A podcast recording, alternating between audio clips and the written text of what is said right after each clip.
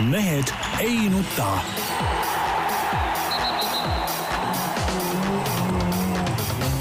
mehed ei nuta. selle eest, et mehed ei nutaks, kannab hoolt Unibet, mängijatelt mängijatele. tere teisipäeva, nagu ikka, Mehed ei nuta eetris. Tarmo Paju Delfist, tervist! Peep Pahv Delfist ja Eesti Päevalehest, tervist! Jaan Martinson Eesti Päevalehest, Delfist ja igalt poolt mujalt. poliitikast on midagi, mul on. Oli väga palju. ei, oota, ma räägin kõigepealt oma südamelt ära, tähendab, ma tänan eh, südamest valitsust selle eest, et ta järgmine aasta kavatseb alkoholiaktsiisi tõsta. vaata, seal on niisugune probleem, et praegu, kui aktsiis on veel madal, ma hakkasin, arvutasin kokku, et, et kõik oma suveõlled ja suveveinid, kui me Eestist ostaks, no kuskil saja euro kanti läheks mul ko- kogu see värk kallimaks. noh, mõtled, hakka nüüd sinna Lätti sõitma, tead, no kannatan selle sada eurot ära. aga nüüd, kui ikka laks pannakse niisugune sada viiskümmend eurot läheb ja vaata, et rohkemgi, vaata nüüd ma lähen küll Lätti kogu seda kraami ostma, ehk siis minu perebüdžett tänu sa võidad. Ja, ja absoluutselt minu pe- perebüdžett tänu sellele tõuseb oluliselt, tähendab saja euro võrra no ma saan aru, et, et selle loogika järgi tegelikult need IRL-i mehed on ikkagi nagu, nagu saatanast selles mõttes, et nad on käinud välja mõtte, et äkki ikka ei tõstaks rohkem. ja ei absoluutselt. et siis, siis, siis see, siis see hinnavahe jääks nagu sinu nagu, ei ületaks sinu igavuse piiri. ja minu taluvuse piiri Jah. jah ja,, just, just. et, et minu meelest ja tegelikult see valitsus, no kuidas ta nüüd aru ei saa, ma pakuksin küll niimoodi, et, et see aktsiisi tuleks umbes tuhat või umbes kümme tuhat korda tõusta. vaata, milline õnn meie õuele saabub. pudel viina maksab tuhat eurot, inimesed ostavad, on ju, eks, ja meie saame rikkaks. ma muuseas käisin eelmine nädal Poolas, viibis mitu päeva, noh oli aega seal käia ka kohalikus kaupluses, mis hotelli kõrval oli, oli eh, nii-öelda odavketipood Lidl. Aga seal alkoholett oli päris eh, viisakas ja olid noh, normaalsed viskid ja kõik joogid, mis nagu, nagu meilgi on ja, ja, ja mis ma siis seal avastasin, pooleteistliitrine eh, viskipudel oli eh, üheksakümmend Poola raha ehk siis jaga neljaga. no päris no normaalne no,. väga normaalne. kakskümmend kaks koma viis vist. jah, pooleteist liitrine, noh. et miks ka mitte. No aga sa ei saa aru, tähtis on võidelda, Peep, viinakuradiga no.. Eestis saab heal juhul pool liitrit sellest, kui sedagi. aga, aga no muidugi kogu see võitlus viinakuradiga, noh, see on ka niisugune. ei no alles siin käis kõlakas meil üks päev, et, et uh, uus probleem, et Lõuna-Eesti piirile lähemal elajad, elavad inimesed, et äh, nad ei saagi tsüklist välja nagu noh, nii odav on lihtsalt, et ei saa ostmata jätta noh. jah, ja teine asi ka, et, et noh, nagu Ansipki kirjutas, et avastas endal keldrist äh, Läti õlut ja tütar oli käinud siis äh, ka seal Lätimaal, võttis ka pudel viina sinna kaasa, no ma ei usu, et nad nüüd väga viinajoojad oleks, aga noh, tähendab, kui on odavalt käes ja oled Lätis, no ikka võtad, noh. ei no kõige vägevam ikka selle asja juures on minu arust see, mida, millest tahaks nagu äh, isegi patsu lüüa nii-öelda, et nii nagu kunagi lubati meile, et äh, Kreekale antud laenu me saame nagu intressidega tagasi, et see ei ole lihtsalt abi, vaid see on isegi investeering. siiamaani ootame seda, seda aega. Et põhimõtteliselt ju lubati, kuidas äh, meil hakkab ju riigieelarve ju kasvab sellest ju tohutult, aga eelmisel nädalal avaldatud graafikud äh, eri väljaannete ärilehekülgedel näitasid, et asi on päris katastroofiline ikkagi. aga, aga aga teine asi on veel, kui see alkohol, ma ei tea, alkoholist räägime küll palju, aga ma tahaks hüpata järgmise teema peale, tead muidu me ei jõua spordist rääkida. et tervitaks ühtlasi ka loomulikult härrasid Maksuametist, kes siis ütleme, kutsuvad üles inimesi kitse panema, koputama, ütleme naabrile nuga selga lööma nii-öelda.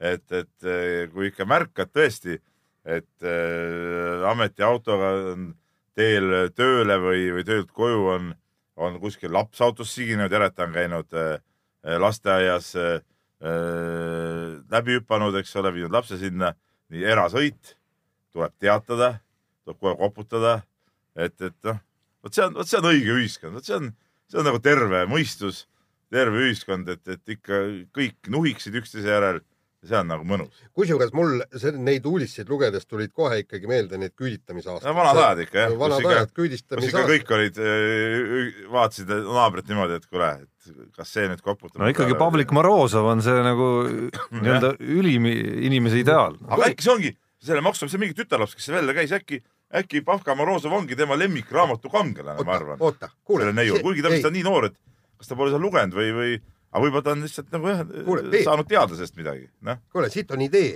paneks ju Maksuametile Pavlik Morozovi nime. Pavlik Morozovi nimeline Eesti, Eesti no Maksuamet. absoluutselt no.. no enne kui spordi juurde minna, ma tahaks äh, üks personaalne tervitus on ka veel äh, inimesele, kes eile õhtul kuskil äh, kuue ja seitsme vahel sõitis Peterburi teel äh, vasakpoolses teises reas seitsmekümne viiega umbes ja tänu kellele äh, noh, palju ei puudunud, et mina ja veel neli autot oleks mitte koju jõudnud sellel õhtul. no ikka teises reas tasub sõita seitsmekümne viiega, veel parem kuuekümne viiega.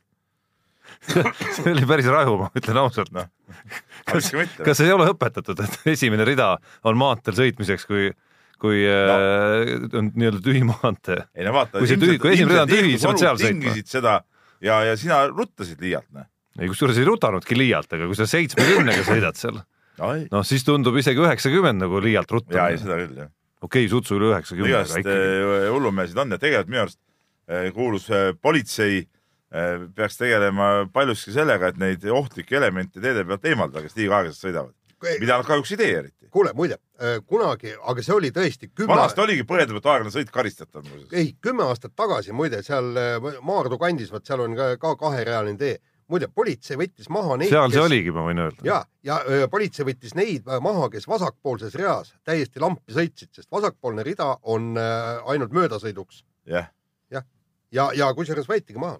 Et selles mõttes ma meenutan väga hea sõnaga seda liikluskultuuri, mida ma suvel kohtasin Austrias sõites, kus olgu ta kolmerealine või neljarealine isegi, väga nagu selgelt oli, oli inimestes juurdunud see, et eh, nii-öelda igas reas oli oma kiirus nii-öelda, kui sa korra läksid välja oma reast, et mööda saada kellestki, kohe läks tagasi inimene ja see, see nagu, nagu nui neljaks kehtis tegelikult noh, kõikides inimestes oli see justkui nagu DNA-ga sees. nii on. Nii on, aga räägime nüüd spordist ja alustame korvpalliga. Eesti alustab siis äh, MM valikmänge Iisraeli vastu võõrsil. Ja mehed, rääkige, mis seal nüüd seal korvpallikoondises toimub, et nagu ma saan aru, et äh, mõned mehed on siin välja jäetud, mõned mehed on iseennast ära deliitinud viimasel hetkel, et mis toimub? ei, aga välja jäetud otseselt noh, ei ole, ei ole nüüd kedagi nendest, kes seal nagu peaksid olema, et, et eh, pigem on nagu, nagu välja jäänud, eks ole, Siim-Sander Vene vigastus, eile õhtul tuli välja siis, et Janari Jõesaar ka mingi väidetava trauma tõttu, kuigi siin mul mingi kahtluse ussid natuke närivad mind seestpoolt, et kas see kõik päris, päris nii on, et äkki mingid muud põhjused on ka nagu eemale jäänud, et ütleme ja Martin Torvek, eks ole, kolm, kolm ikkagi väga väga olulist meest, kes ütleme praeguse seisu järgi kindlasti peaksid ja võiksid seal koondises olla, noh. Selles mõttes on nagu kentsakas olukord natukene, et nii Martin Torbek kui ka Janar Jõesaar viimases koondise pausieelses mängus mängisid, väga tõenäoline, et mängivad ka esimeses koondise pausi järgses mängus. ja pluss mõlemad on ikkagi selle Kalev Cramo üsna halli hooaja alguse noh, sellised kaks kõige positiivsemat kuju ilmselgelt. et, et kumbagi me koondises praegu ei näe ja nende sisse ka väga hästi nagu ei näe, et kui, kui väga seda pausi nüüd tervise jaoks on vaja või ei ole no.. no ma ise natuke kahtlustan, et siin kas Jõesaare puhul ei pruugi see ka olla, et eh, kerge võib-olla, ma ei tea, kas solvumine või mis seal selles suvises tsüklist võib olla, kui ta ei saanud praktiliselt ju üldse mängida, et oli puhas kaheteistkümnes mees koondises. et, et kas see eh, nüüd eh, sellepärast noh, tundis kerge vigastus ka võib-olla noh, kindlasti midagi seal on, eks ole. no tal on olnud, tal on olnud oma karjääris probleeme sellesama et noh, ma ei vigastusega. hakkagi minema, et, et noh, tookord mängida ei saanud, mis ma ikka siin nüüd ponnistan. et see võib täitsa vabalt ka nii olla. noh, samas te, mingi loogika ütleks, et vastupidi just, siis tuleks tulla ja, ja seekord vähe kõvemas rollis uks lahti lüüa võib-olla. no sama asi Martin Torvekuga, ma saan aru, et, et kas tal ei olnud siis äkki ka võib-olla ette nähtud koondises väga kandvat rolli ja noh, siis otsustas mitte, mitte minna, kuigi ta on, minu arust just Martin Torvek on olnud isegi võib-olla selle hooaja Kalevi sihuke üks, üks noh, tõesti üks positiivsemaid tegelasi ja, ja ta on tõesti väga hästi mänginud tegelikult. et mina näeks küll temal koondises väga-väga selget ja olulist rolli. no ma miskipärast kahtlen, et, et see otsus käis kuidagi niimoodi, et kõigepealt äh, peeti Tiit Sokuga üks südamlik vestlus maha ja siis sai Martin Torbek aru, et tal rolli ei ole seal. ei, üldse ei usu seda. no aga mehed, öelge, kas kas, kas see on nüüd treenerist ka natukene kinni, et, et, et mõned mehed on varemgi on olnud niisuguseid küllaltki kahtlasi loobumisi. no mis sellest treenerist kinni, noh. no ei taha lihtsalt selle treeneri käe all mängida ja kõik noh. noh, seda on nagu raske hinnata, noh, selge see, et siin mingeid noh, sa isegi, sa ju teadsid täpselt seal EM-i ajal, mis seal koondise sees toimub ja mäletan väga hästi seda, seda sinu lõiku sealt ka kuulsast dokumentaalfilmist, eks ole. et, et ähm, eks sa tead ise, sa võid meile rääkida siis, mis, mis selle aga teie nagu treeneri ja mängijate vahel nagu on seal. aga teie nagu no nii, no, no tea. nii palju on ikkagi noh, ma arvan, see ei ole mingi saladus, et äh, ma arvan, et Siim-Sander Vene ei tule kõige meelsamini Tiit Soku koondisse. ei no kindlasti seal on, muidugi seal on, ma ei taha, taha Jaani maha teada, sest Jaani natuke tögada muidugi, aga aga kindlasti seal on mingeid eh, nüansse kindlasti, miks ei, võib-olla ühele või teisele ei, ei sobi Soku stiil ja sellepärast nad väga ei, ei ruttagi sinna. ja mis nagu kõige hullem on, noh, mis on siin kuulda olnud nüüd nendest meestest, siin oli ju mingi suurem, suurem nimekiri alguses mängijatest ja, ja osad siis said kuidagi nagu pool mitteametlikult teada, et seal nimekirjas on ja sama mitteametlikult teada, et nad, neid vist ei kutsutagi praegu.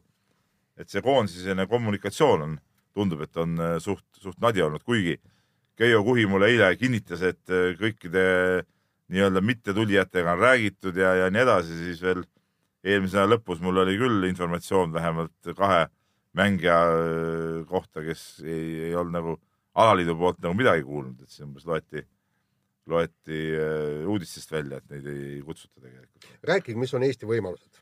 Iisraeli vastu, mis on võimalused Suurbritannia vastu, esmaspäeval mängib.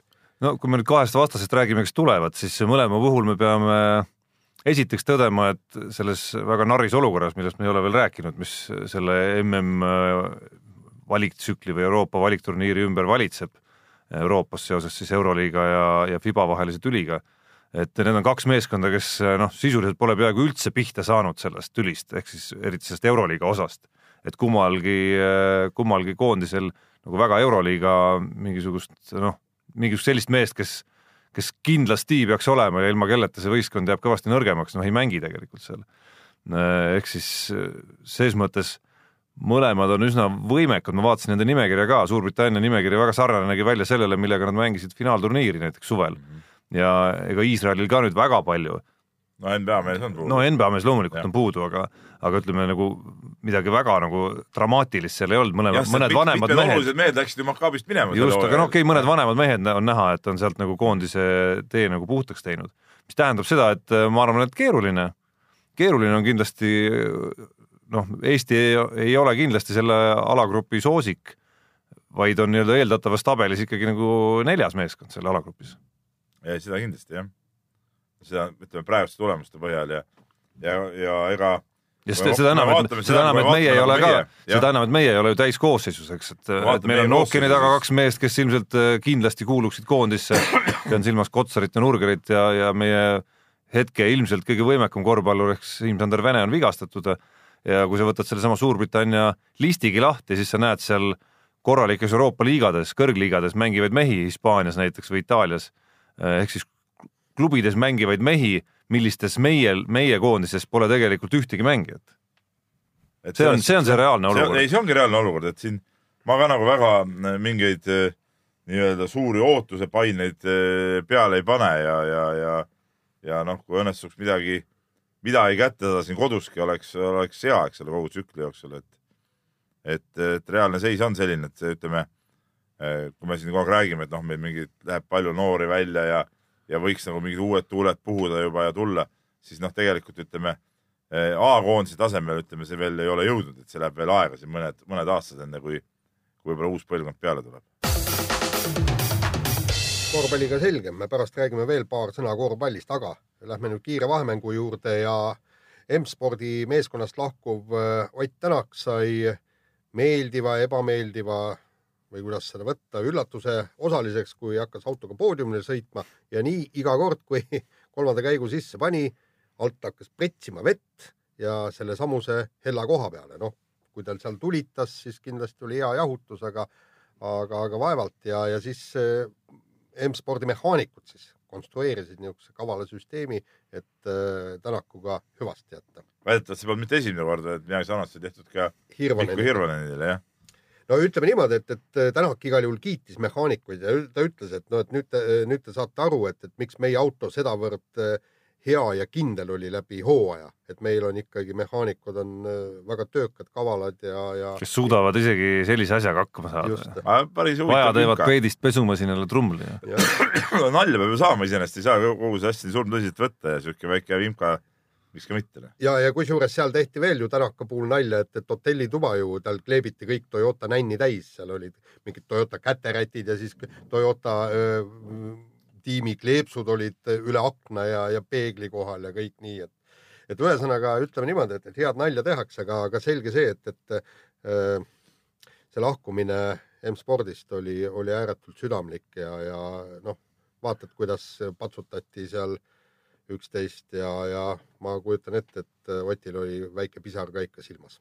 no seda oli üldse tervikuna väga sümpaatne näha kõikide osapoolte poolt vaadates, et see oli kõik noh, nagu sa ütlesid, südamlik ja sõbralik ja, ja sellise huumoriga nagu läbi pikitud, et et äh, vähemalt pealtnäha ei jäänud küll ühtegi nii-öelda hard feeling ut ei jäänud seal kellelgi.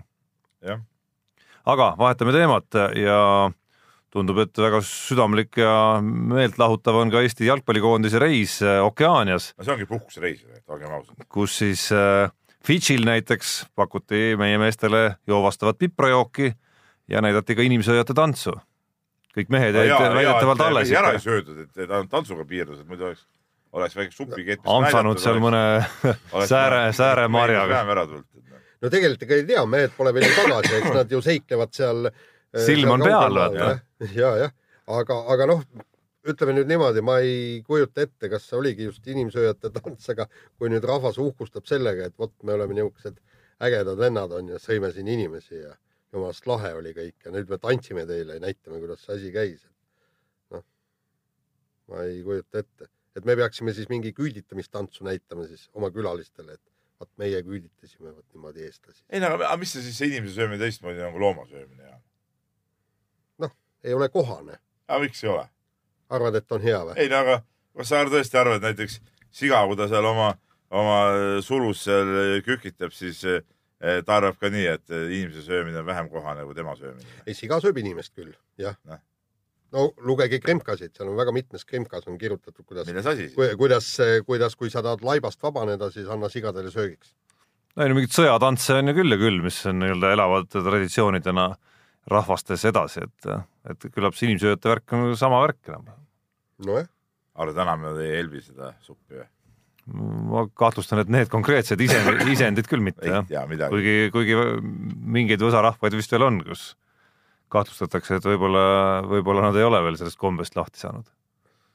nii, aga äh, uued kombed on äh, toonud Eesti maratonijooksjate hulka Jekaterina Patjuk, kes siis tegi oma esimese täispika maratoni ja tohho pime, vaat kus ime, kohe lõi üle kõikide niimoodi tantsulembeliste õdede luikede rekordid, et äh, noh, päris sport, no, et ei ole nagu äh, ainult äh, tilulilu, vaid ikka tuleb joosta ka. no aga õdedel-luikedel on nüüd täielik põhjus jalad kõhu alt välja võtta, sest nüüd nad ei saa ju kõik kolmekesi tiitlivõistlusele minna ja, ja pärast finišis tantsida. nii et õed nüüd äh, trenni tegema ja proovige joosta kõik kolmekesi äh, patjukist ma kiiremini. arvan, tead, et Patjukil on kindlasti võimeid eh, joosta eh, veel kiiremini. muuseas, ma nägin, see oli siis nüüd, no ütleme nädal aega enne seda maratonijooksu kohtusin juhuslikult Tartus Harri Lembergiga, kergejõustikutreeneriga ja küsin ka, mis uudist ja ta ütles, et noh, Patjuk läheb jooksma ja ja ma küsin, mis aeg võib tulla siis ta pakkus sisuliselt täpi pealt pakkus selle aja ära, mis Patjuk jooksis, nii et ja noh, on näha, et seal on, on, on, on ikka reservi kindlasti, ma arvan.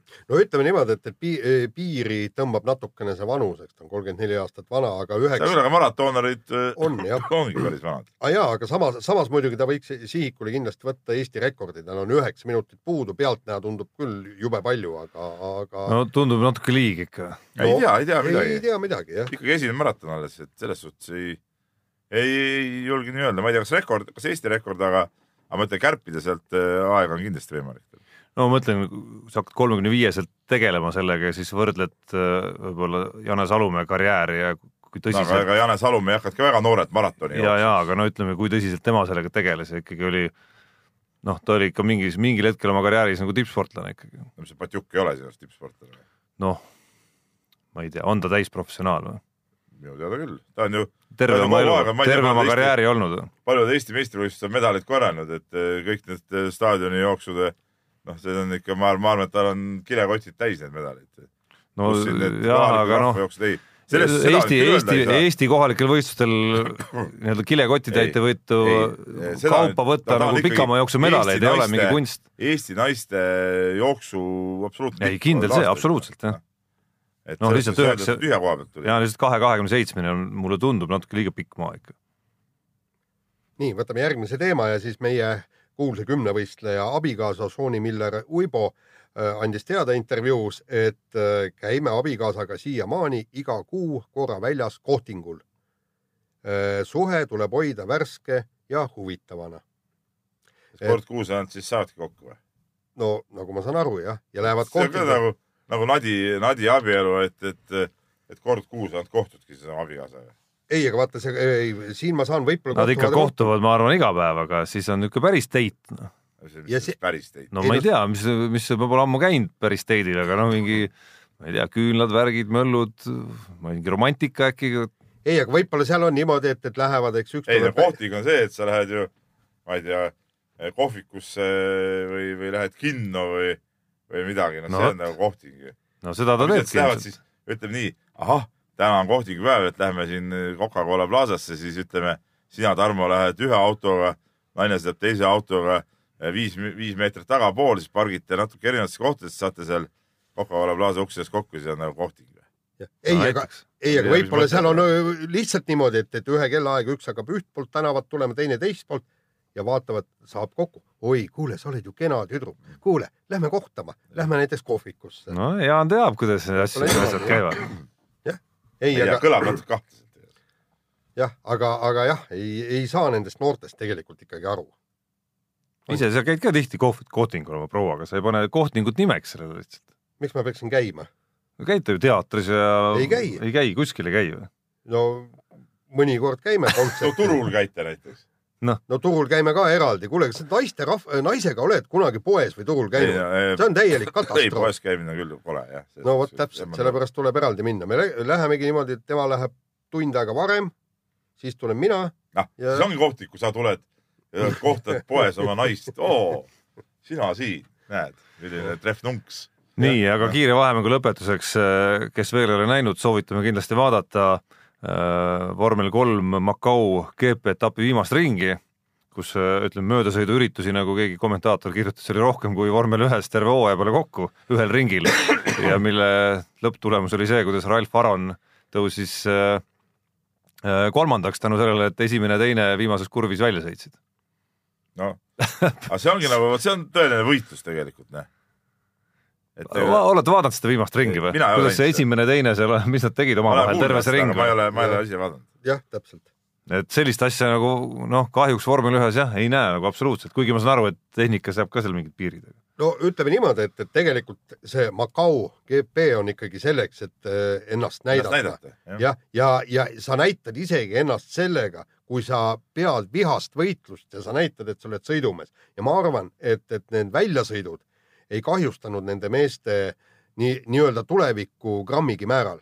aga samas muidugi see, et Ralf Aaron poodiumile tõusis, Marko Asmer omal ajal, kui ta Macaus võitis ja kõiksugu Vetteleid ja kõik, kes seal se- sõitsid, neile tuuled alla telid, tema oli ju neljas, nii et et Aaron on, selgub ka sõidumees, sest ta alustas, mis ta oli, kolmeteistkümnendalt Mhm. kohalt, kuuest mehest see mööda Jah. Eh, seal ja sellel tänavarajal, vaadake seda tänavarada, seal ei ole möödasõidukohti eriti ju. ja, aga no need eh, tuleb teha ise, need möödasõidukohad. no absoluutselt, et selge see, et, et me, me oleme näinud, kuidas no seal üks väga pikk sirge oli ikka ka, kus, kus andis teha, no see on samad esimene, teine ka seal viimasel ringil vahetasid seal kohti. ja aga, aga noh, ütleme niimoodi, et ega Aaroni puhul on ilmselt sama nagu Asmeriga, et sa pead ikkagi kaks peajagu teistest üle olema, kui sul natukenegi F1 lõhna tuleks, aga noh, ei ole liiga optimistlik. võtame nüüd järgmise osa ja Peep, kirju on sul vist palju kirju, kirju on päris palju tõepoolest ja, ja, ja hakkame siit vaatama, millisest otsast pihta hakata, et võib-olla eh, Mark Mööli küsimus eh, Jaanile. et see on Aleksei Turovskil tekkinud küsimus tegelikult, et, et miks ameeriklased seda spordiala jalgpalliks nimetavad kui üheksakümmend üheksa protsenti ajas hoitakse palli käes jutt käib siis sellest imelikust mängust, mida sa vaatad televiisoris. Ameerika jalgpalli jah. jah, mis seal siis on jalgpalliga ühist? sellepärast, et see on jalgpall.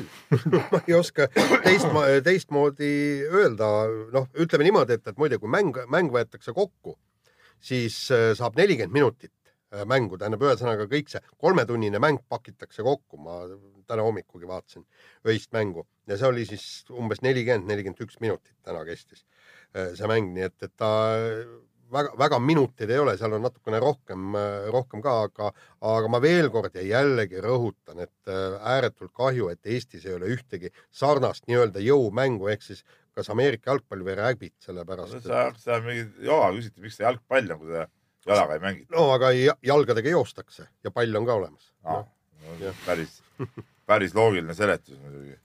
mis siis korvpall on või väravpall või? ja vot ma ei tea, mis nad on.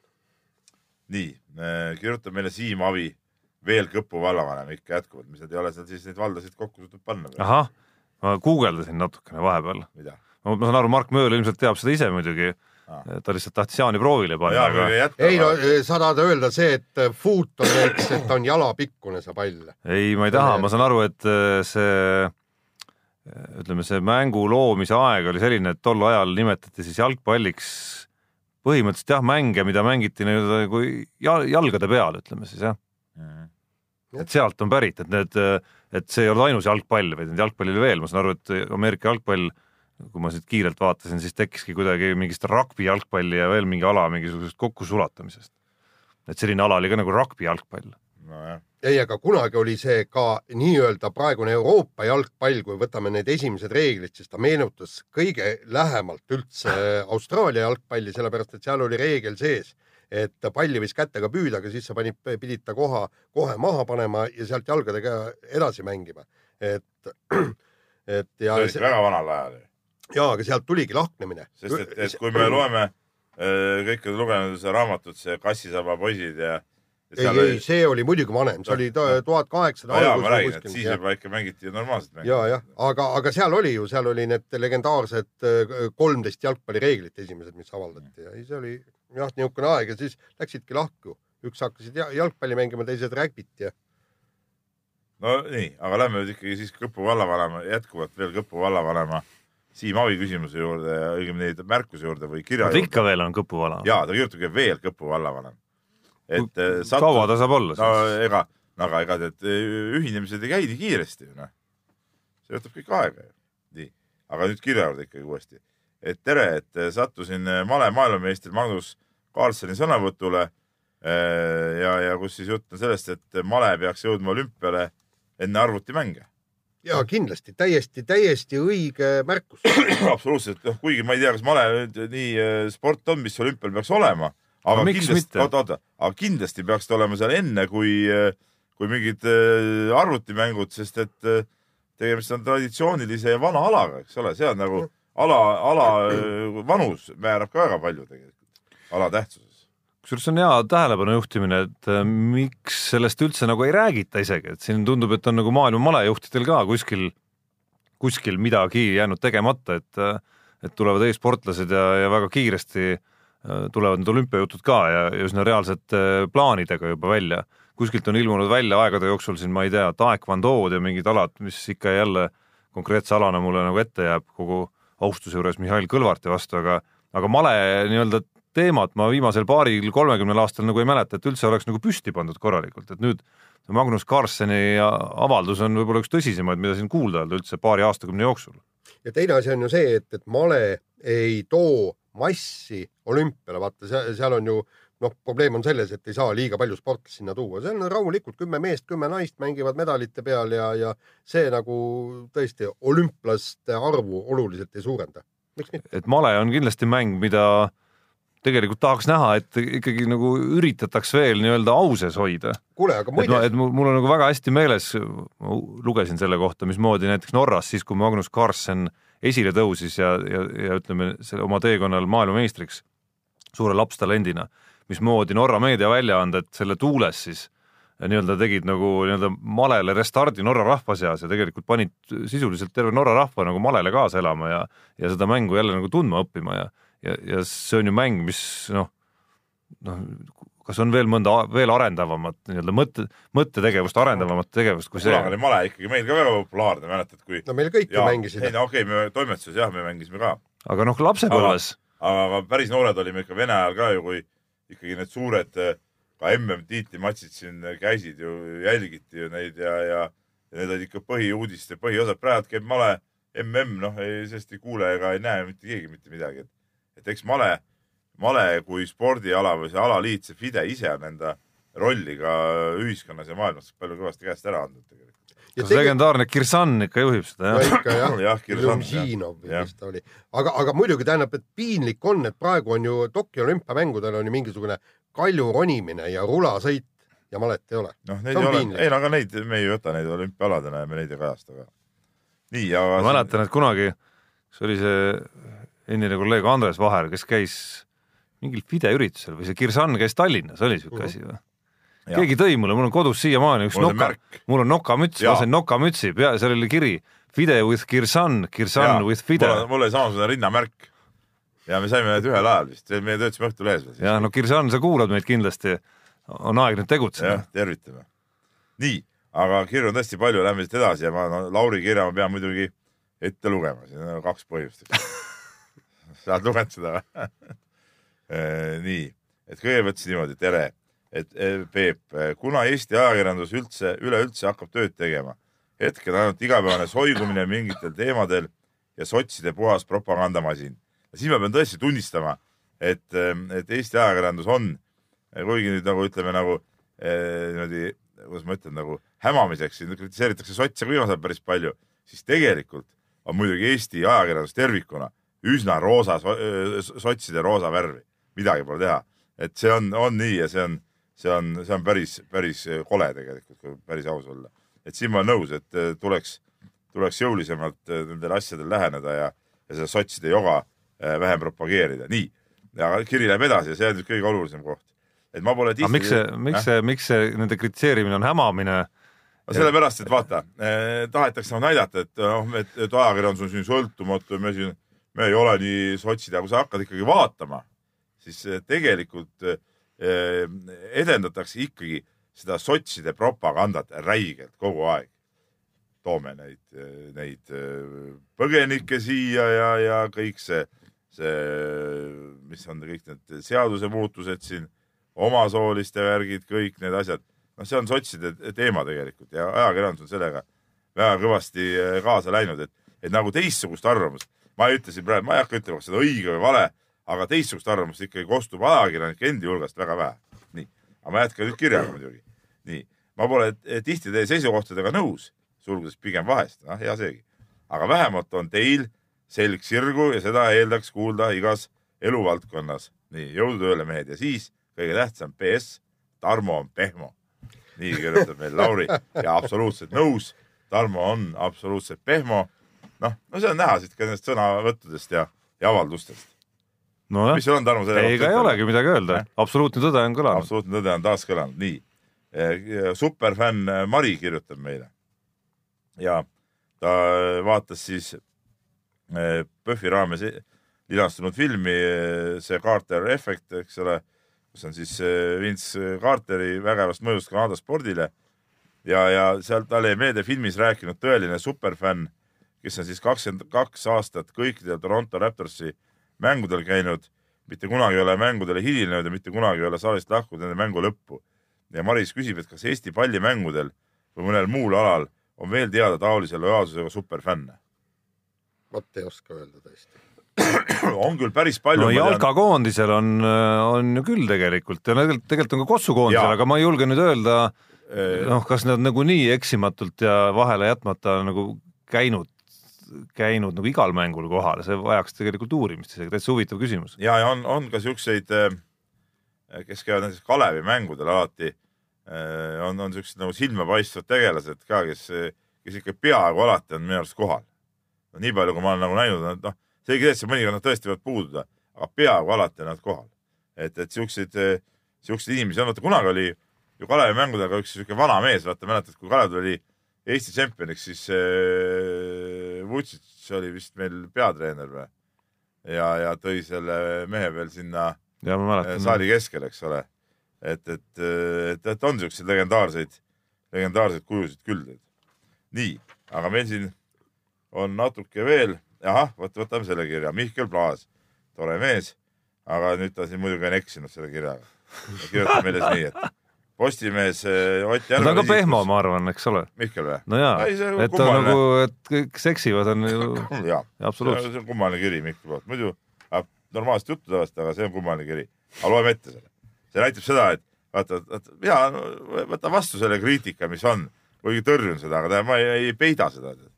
nii, et Postimees Ott Järva isikus torkab seekord Delfi pihta valusalt, kuid siiski õigusega, et Menni kodu, mehed ei nuta siis koduportaalis loeb ainult klikke, raha, eetika jääb tihti tahaplaanile, siis on toodud näiteks see Ott Järvela, ütleme kummaline kirjatükk sellest, kuidas siis tiim Haanja ja Suusaliidu vahelisest tülist ja kuidas meie oleme pakkunud siis tiim Haanjale kampaaniaks pinda ja avaldanud uudisväärtusetut jama ja, ja Postimees siis seda, seda ei tee hoiab seda joont edaspidigi.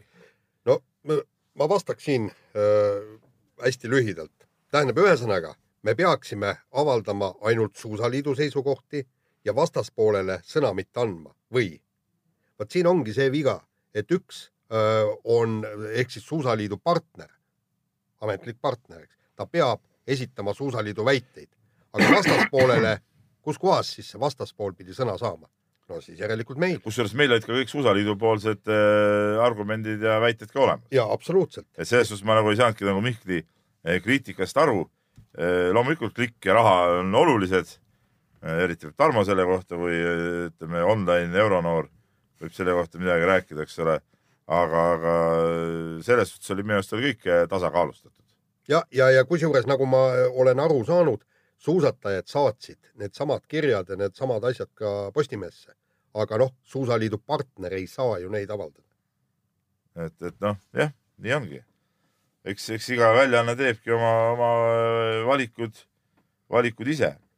nii ja viimase kirjana võtan veel või, või no kui sa juba reklaamid ma välja. reklaamisin välja, okei okay.. et eh, Tarmo kirjutab siin ja, ja jutt käib siis sellest Itaalia väljajätmisest, millest me eelmine saade rääkisime, MM-ilt jalgpalli, väljajäämisele ja, ja, ja toob siis ta välja selle statistika, et eh, pärast kahe tuhande kuuendal aastal MM-finaalis Prantsusmaa alistamist on Itaalia MM-finaalturniiridelt võitnud ühe kohtumise eh, ja pole kummalgi puhul alagrupist edasi pääsenud. et eh, ta küsibki, et kas on mõtet sellist meeskonda üldse MM-ile saata või kas Itaalia sinna saatmine Itaaliaks olemise pärast ei meenuta seda situatsiooni võrkpallis, kus muudetakse struktuuri selleks, et Itaalia seal püsiks. noh, ei, ma ütlen nii, et äh, kindlasti ei tohi mingit struktuuri selleks muuta, et Itaalia seal püsiks. see oleks nagu totter. aga äh, ega me ei saa nüüd öelda, et okei okay,, kaks MM-i on tõesti ebaõnnestunud. me ei saa öelda nüüd, et äh, viimased kümme aastat Itaalia koondis oleks olnud täielik jama. minu arust nad vahepeal jõudsid mängida ka ühes EM-i finaalis, mis jäi nende, ütleme selle kümne aasta sisse. no me saame ikka Peep öelda, et kui sa ikka ei saa laienenud MM-ile, nagu ma ka ütlesin eelmisel korral ka, noh, siis ei ole su koht seal ja kogu lugu. ei, aga Euroopast, Euroopast see laienemine eriti ei puuduta. no see puudutas kõiki siiski. nii, no mina, ei, ma, minu jutu mõte eelmine oli see, et Euroopast peaks pääsema MM-ile rohkem meeskondi. ei no su okay. jutu mõte oli siiski, et Itaalial ja veel mõnel peaks olema hoopis nagu erapääsmed nii-öelda. ei, ei, ei, mis erapääs. See tuli siit kuskilt see Eurovisiooni naljaga tuli see, aga tegelikult mu jutu mõte oli see, et Euroopal peaks olema rohkem kohti, sest kedagi ei huvita mingisuguste Aafrika karvajalgade või Aasia pilusilmade puterdamine. kõik tahavad näha seda päris mängu, eks ole. on nad siis Lõuna-Ameerikast või Euroopast, vot seal on õiged võistkonnad. õige. mis sa no. hüüa, Tarmo, hurraa. Neliteist kohta nüüd vähe, vähe ka ei ole, ütleme nii siiski. nagu see mm on viidud nii suureks, siis seal võiks olla kakskümmend neli. nii, jätkame nüüd saatega. nii ja lähme siis järgmise teemaga, lähmegi nüüd suusatüli juurde ja nagu selgub, siis tiim Haanja ja Eesti Suusaliit lõpetasid selle jama, suusatajad kirjutasid lepingutele alla ja tänu sellele pääsevad siis MK-etappidele. suusaliit, nagu ma saan aru, võttis need lepingud vastu ja, ja sellega pidu lõppeski. omalt poolt nad äh, mitte midagi ei tee, kõik kulud kannavad ikka äh, tiim Haanja ise, leiab ka määrdemehed äh, ise ja ja, ja suusaliidu kohustused sellega lõpevad, tähendab nende ai- ainus kohustus on saata välja meil, kus registreeritakse suusatajad MK-etapile.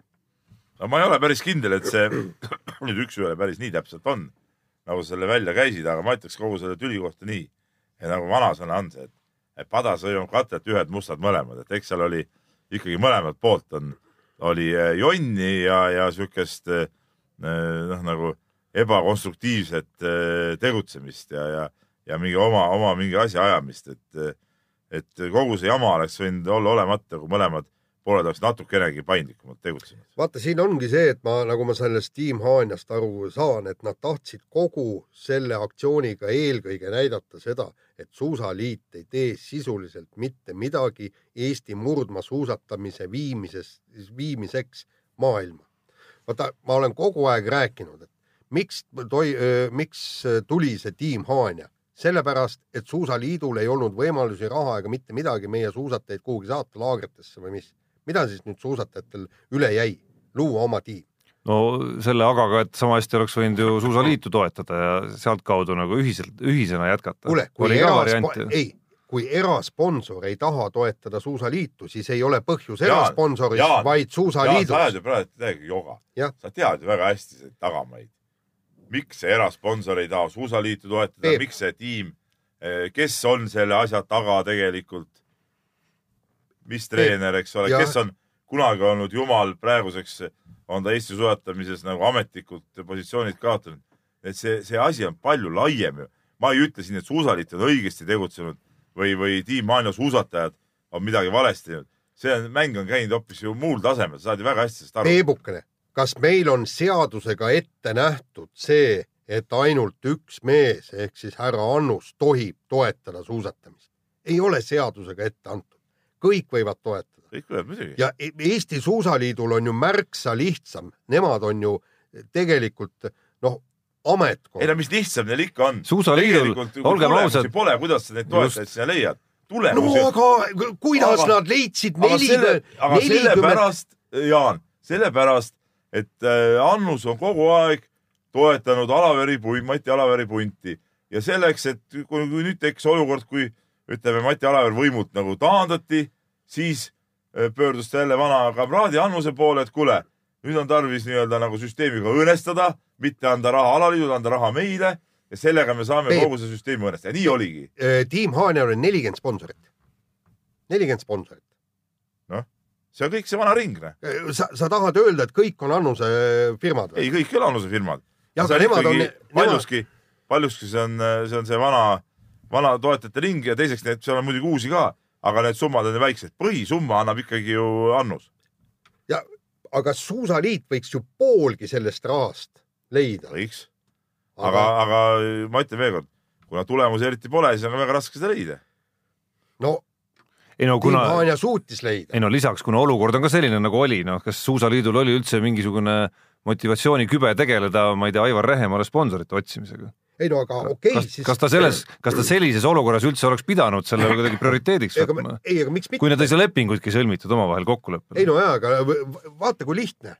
ei ole mingit, vennad oleks kohe lepingule alla kirjutanud, kui ta ütleb, näete, ma, meie tagame koondislastele selle ja selle laagri, sõidud äh, sellele, sellele, sellele MK-etapile, hooldetiimi, kõik mehed, tulge sõitke. Täpselt nii, nagu on kogu aeg on olnud., ei, aga seal, no ma olen kuulnud äh, ikkagi seda versiooni ka, et seal ikkagi pakuti, pakuti ka osa hooldetiimi kulude katmist. kuule, mis mõttes osa ta-ta-ta aga miks peab, miks peab vendadel, kellel ei ole null taset, mis, mis hirmsat tiimi neil seal vaja on siis? noh? sa, Jaan, tegid ise ju nädalavahetusel loo Vahur Teppaniga, kes kirjeldas, mismoodi Hiinas asjad käivad, mismoodi short track'is on mingisugune kahekümne liikmeline massööride tiim umbes, ma liialdan Jah. natukene praegu, aga et murdmaasuusatajad peaksid mõne MK-punkti enne teenima, et siis saaksid võib-olla teise suusapaariga lisaks veel. No jaa, aga, aga, aga siis, siis tehkegi niimoodi, et är- ärge saatkegi siis seda jõuku, kui te leiate, et, et äh, ei ole ei vaja aga. mingit jõuku ei saadetagi, saadetigi ja see oli õige, et tegelikult tehti äh, need äh, MK-le pääsemise reeglid karmimaks, sest et ei olegi mõtet kogu seda jõuku saata nüüd saadetaksegi kolm, kolm sportlast on täitnud, eks ole. No ei ole tegelikult vist, ma ei tea, kas on täitnud, aga No. okei okay,, sinna saadetakse neid, kes kõiki norme ei ole täitnud. kes neid, kolm tükki lähevad ju. no ei, just, üks aga neist vist ei olnud täitnud. üks ei, Ränkel ei vist täitis ju ära selle ei, ei, Ei, eks kilp oli vist. kilp jah, aa, kilp jah. Nad on napilt jäi alla. ja, jah, nii, aga no see selleks, aga, aga ikkagi no peaks ju suusatamise eest ka seisma, okei okay,, teeme niimoodi, et, et las tiim Haanja tegeleb oma, omade asjadega. meil, kus on meile juunioride tiim, kus on meie järelkasvu tiim? see on juba teine teema, Jaan. see on Jah. teine teema ja sealt peakski käima minema ja, ja mul tuleb siin see, sa tead, ma lähen ühte intervjuud tegema ja need küsimused saab kõik seal ka esitatud. ja, ja kus, kusjuures ju äh, kirjeldas seesama Kein Einaste, vaene Kein Einaste, okei okay,, temal ei ole ka praegu tulemust ega midagi, aga ta ütles, et, et kõige ebaprofessionaalsem tiim ongi Eestis kogu selles MK-sarjas või, või, või kus iganes. tema ei ole tiim Haanjas ju. ja, ja temal ei ole ka mingit lootust. eelmine aasta ta kirjutas ilusti lepingule alla, tema oli siis Suusaliidus, kogu, mis, kõik, mis ta sealt sai, oli kaheksakümne eurone hotellituba äh, ühel MK-etapil, see oli kogu Eesti Suusaliidu panus. Ja selle eest ta kandis kõiki neid Eesti Suusaliidu reklaame. no. Mida, mida keegi ei näinud muidugi. väärtus puudus. no jaa, aga siis anna, las vend, vend paneb omad reklaamid sinna peale, saab äkki sada eurot, no. kakskümmend eurot ka vahel, kakskümmend protsenti tõuseb kogutulu. ka neid ei oleks keegi näinud. no aga kelle, kelle asi see on? nii, lähme edasi. Lähme edasi. Äh, miks kipuvad meie noored korvpallurid välismaale, me oleme rääkinud sellel teemal noh, aastate jooksul nüüd päris palju, aga, aga ajend äh, seda tõsta natukene tuha alt jälle välja on Peebu eelmise nädala artikkel sellest, kus äh, ütleme, artikkel, kus äh, oli üsna märgiline ikkagi see, et äh, meie oma päris tunnustatud treenerid, meie oma treenerid, kelle enda pojad ka on kõik läinud välismaale, ikkagi väga otsekoheselt ja selgelt andsid mõista ja rääkisid nendest põhjustest, miks, miks nende soovitus ikkagi ongi, kas kolmeteistkümneselt, viieteistkümneselt või kaheksateistkümneselt kodumaa tolm äh, jalge alt pühkida ja, ja miks, ütleme sellest, miks oli võib-olla vähem juttu, aga sellest, kuidas ikkagi meie enda klubides äh, sellises vanuses äh, korvpallurite nagu nii-öelda meheks saamine on väga keeruline. jah, ja sealt äh, see tõde, mis koorus, ütleme meeste suust, kes noh, kelle juttu tasub nagu ikkagi uskuda ja kes on nagu tõesti nagu pädevad seda ka ütlema. ja kellel on veel aja jooksul olnud, ütleme ja Kuusmaal ka hetkel oleks tegelikult huvi rääkida hoopis teistsugust juttu nii-öelda Rapla peatreenerina. jah, et, et äh, kui need võimalused ikkagi on nii, nii kasinad, siis, siis need ongi nii kasinad.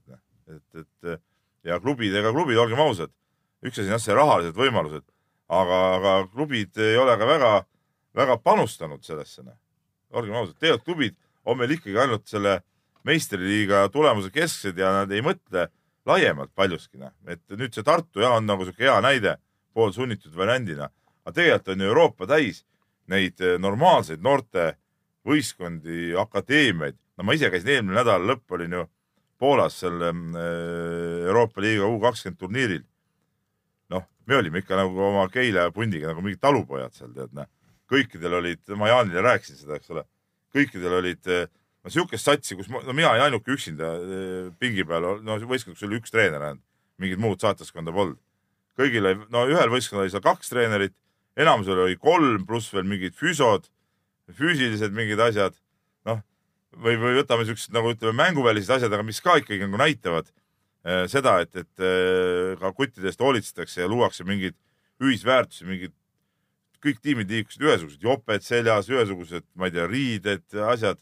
noh, see näitabki, et nendesse kohtadesse, kus seda tööd tehakse, on panustatud, seal on ka mingit raha, et nad saavad seda teha, aga ma ei usu elu sees, et need, ma ei tea, Londonis ja, ja, ja, ja seal Poola need poisid ja, ja, ja Tšehhi poisid, Itaalia need akadeemiad, et need kutid ise ostavad endale need eh, riided ja värgid, nagu meil on, eks ole, et noh, mul on seal ka võistkonnas pooltel meestel on mingid kotid, aga nad ise ostnud, eks ole, endale mingid pusad. no seal on ikka, oled seal tiimis, siis saadki need asjad kätte. ja, ja, ja teine asi ongi see kõik see, kõik see, see treenerite osa, noh, et, et, et sul ongi, kui sul ainuüksi seal turniiril on juba kolm treenerit kaasas, no siis räägivad sellest, mis siis nagu trennides toimub, ma arvan, et seal osad vennad jäid ju koju ja mingid treenerid veel endaga tegelema sinna. aga meil on, nagu Aivar Kuusmaa väga hästi ütles, eks ole, et, et noh, käis pojaga koos seal Itaalias.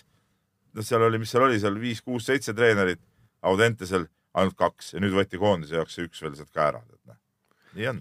ja noh, siin on ju nagu mitu otsa, kus seda vaadata, üks on nagu meie spordisüsteem kui selline, kus noh, palju, palju sa, Peep, saad palka nii-öelda nagu palka palka siis kuskilt äh, no nii palju, kui see äh, nii-öelda see ametlik äh, värk on, mis sinna tuleb, see riigi poolt noh, mul on see viies tase, see ja siis ütleme, klubi paneb teise samba peale otsa, ehk siis see üks pool läheb nagunii maksudeks ära mm. -hmm. no ütleme, see on piskune, see on ikka pisku. et noh, alustades sellest, eks ole, et, et need nii-öelda satsid või klubid või noh, nad on ikka üsna omapäi, eks ole no ikka väga omapäi.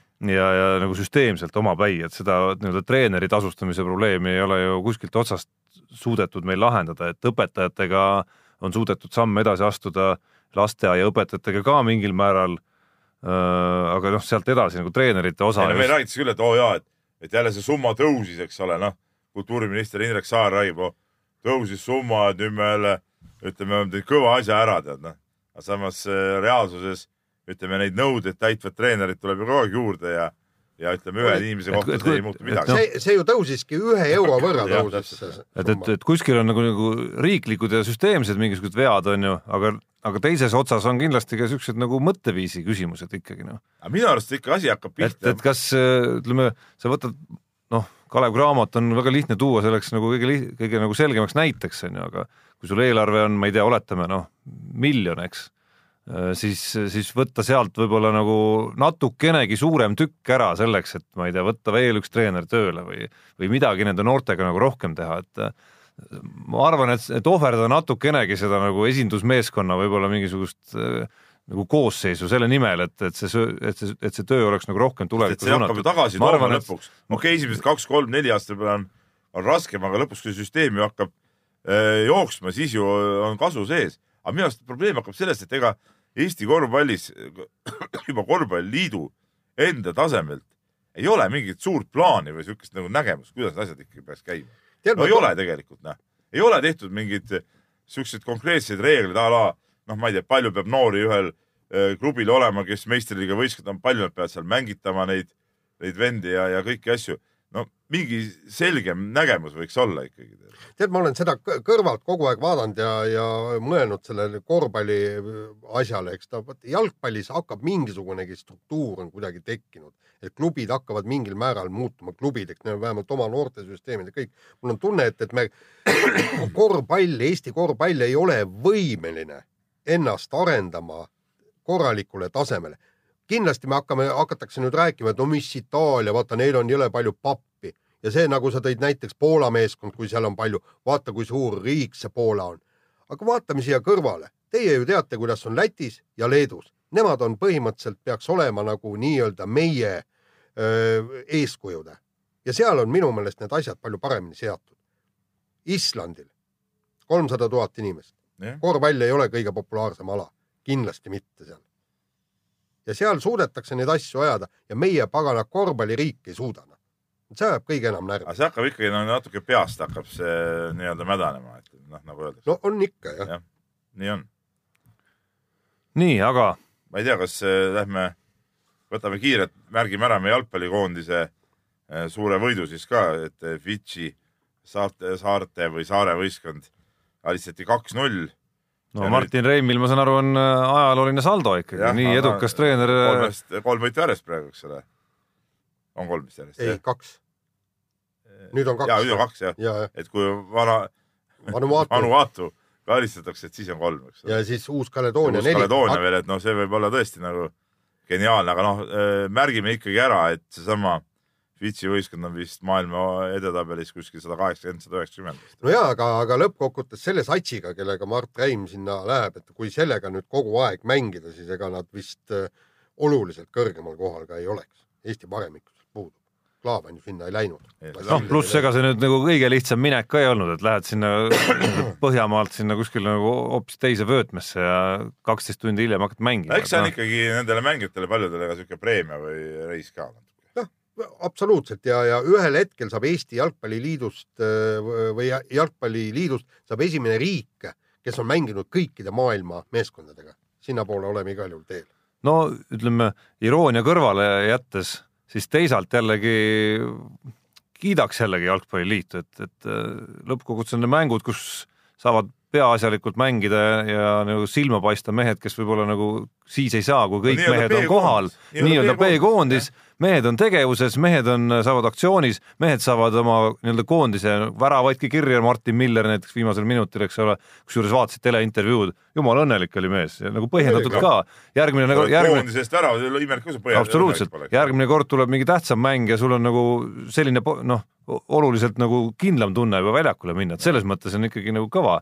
olgu selle nagu eksootikaga, kuidas on inimsööjatega seal.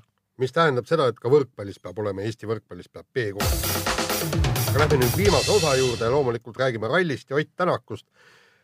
Austraalia rallil teine, MM kokkuvõttes kolmas, sellega äh, M-spordi äh, aastad on läbi, järgmisest aastast Toyotas.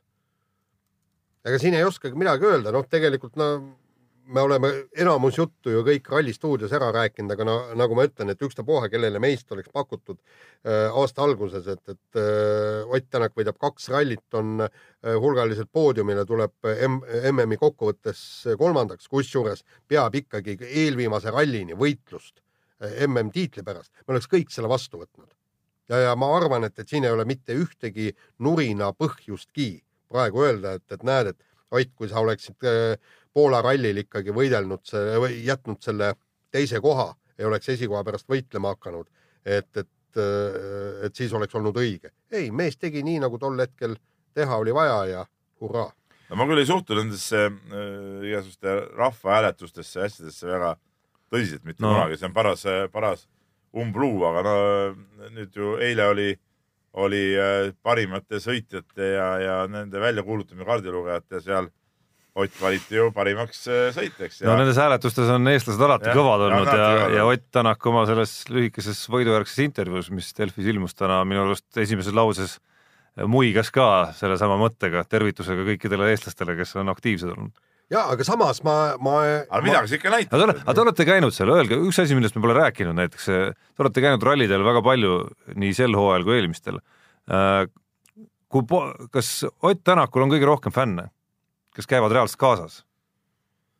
no tundub küll. no kas midagi sarnast Jah. nagu ma ei tea, eestlaste äh, nii-öelda trip Poolasse või, või Soome, kas mõnel kunagi piloodil oli- üldse on? ma käisin ikkagi- vormel ühte vaatamas suvel Austrias, no Verstappenil oli jõhker nagu nii-öelda saatjaskond. Solbergil ka ikkagi väga Ja, palju, Solbergi fänne oli, oli tõesti väga palju. no see oli kunagi. ei, ma ütlen noh, ütleme, sa küsisidki nagu niimoodi nagu Mäle, mäletad seal Soome rallil me olime koos ja siis, kui, kui olid kõik need eh, suured Solbergi lip, lipud ja kõik, kui ta sealt eh, boksi tee peal Mm, aga hetkel ei ole, eks. aga hetkel nii suurt äh, ei ole, ma tõesti noh, mis tähendab, et see, et see aastasõitja tiitel ei ole üllatav muidugi. ja aga aga, aga teine asi on see, et, et eile me siin eh, toimetuses ka vaidlesime sellel eh, teemal.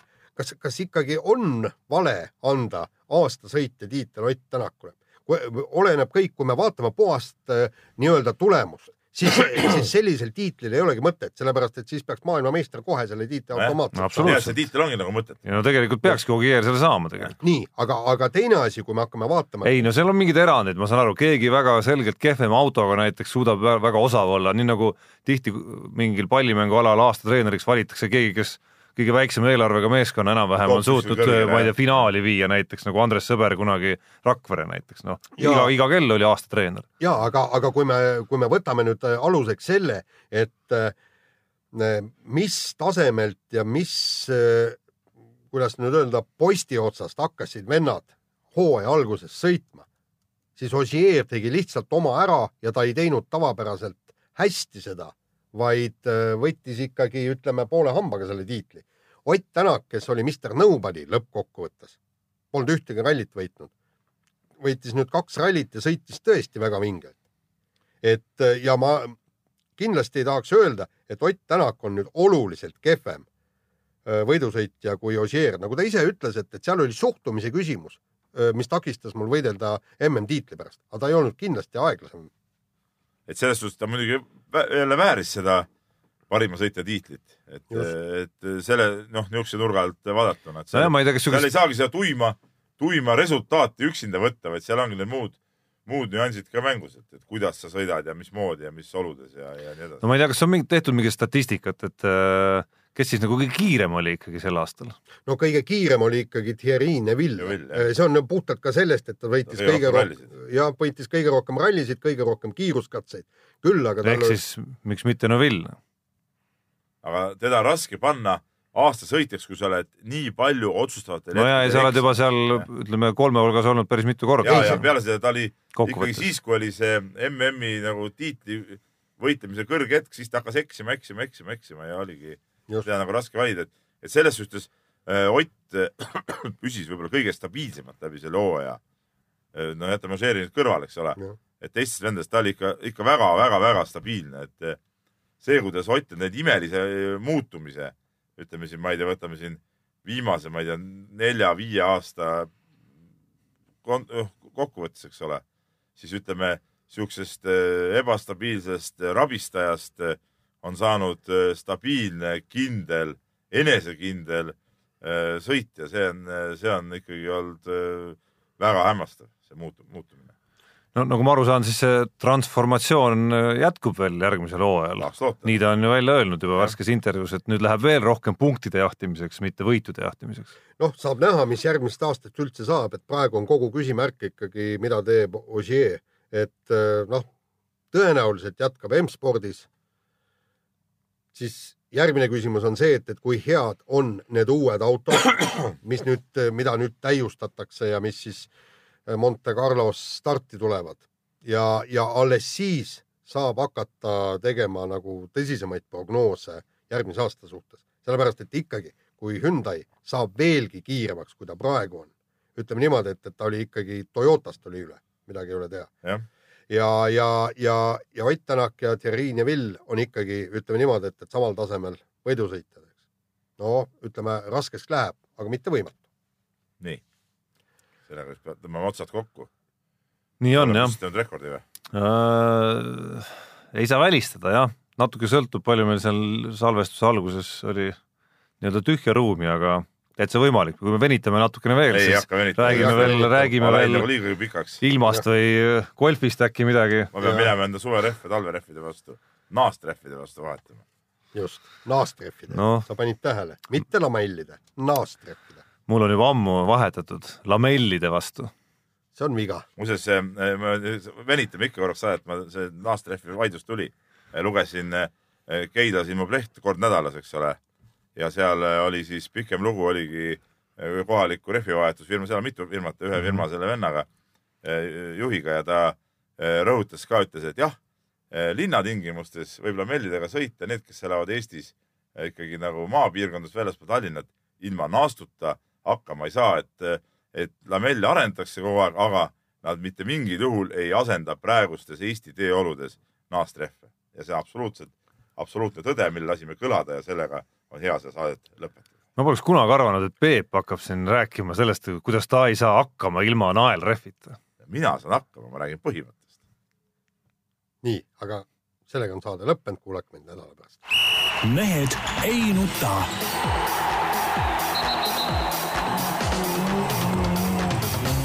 mehed ei nuta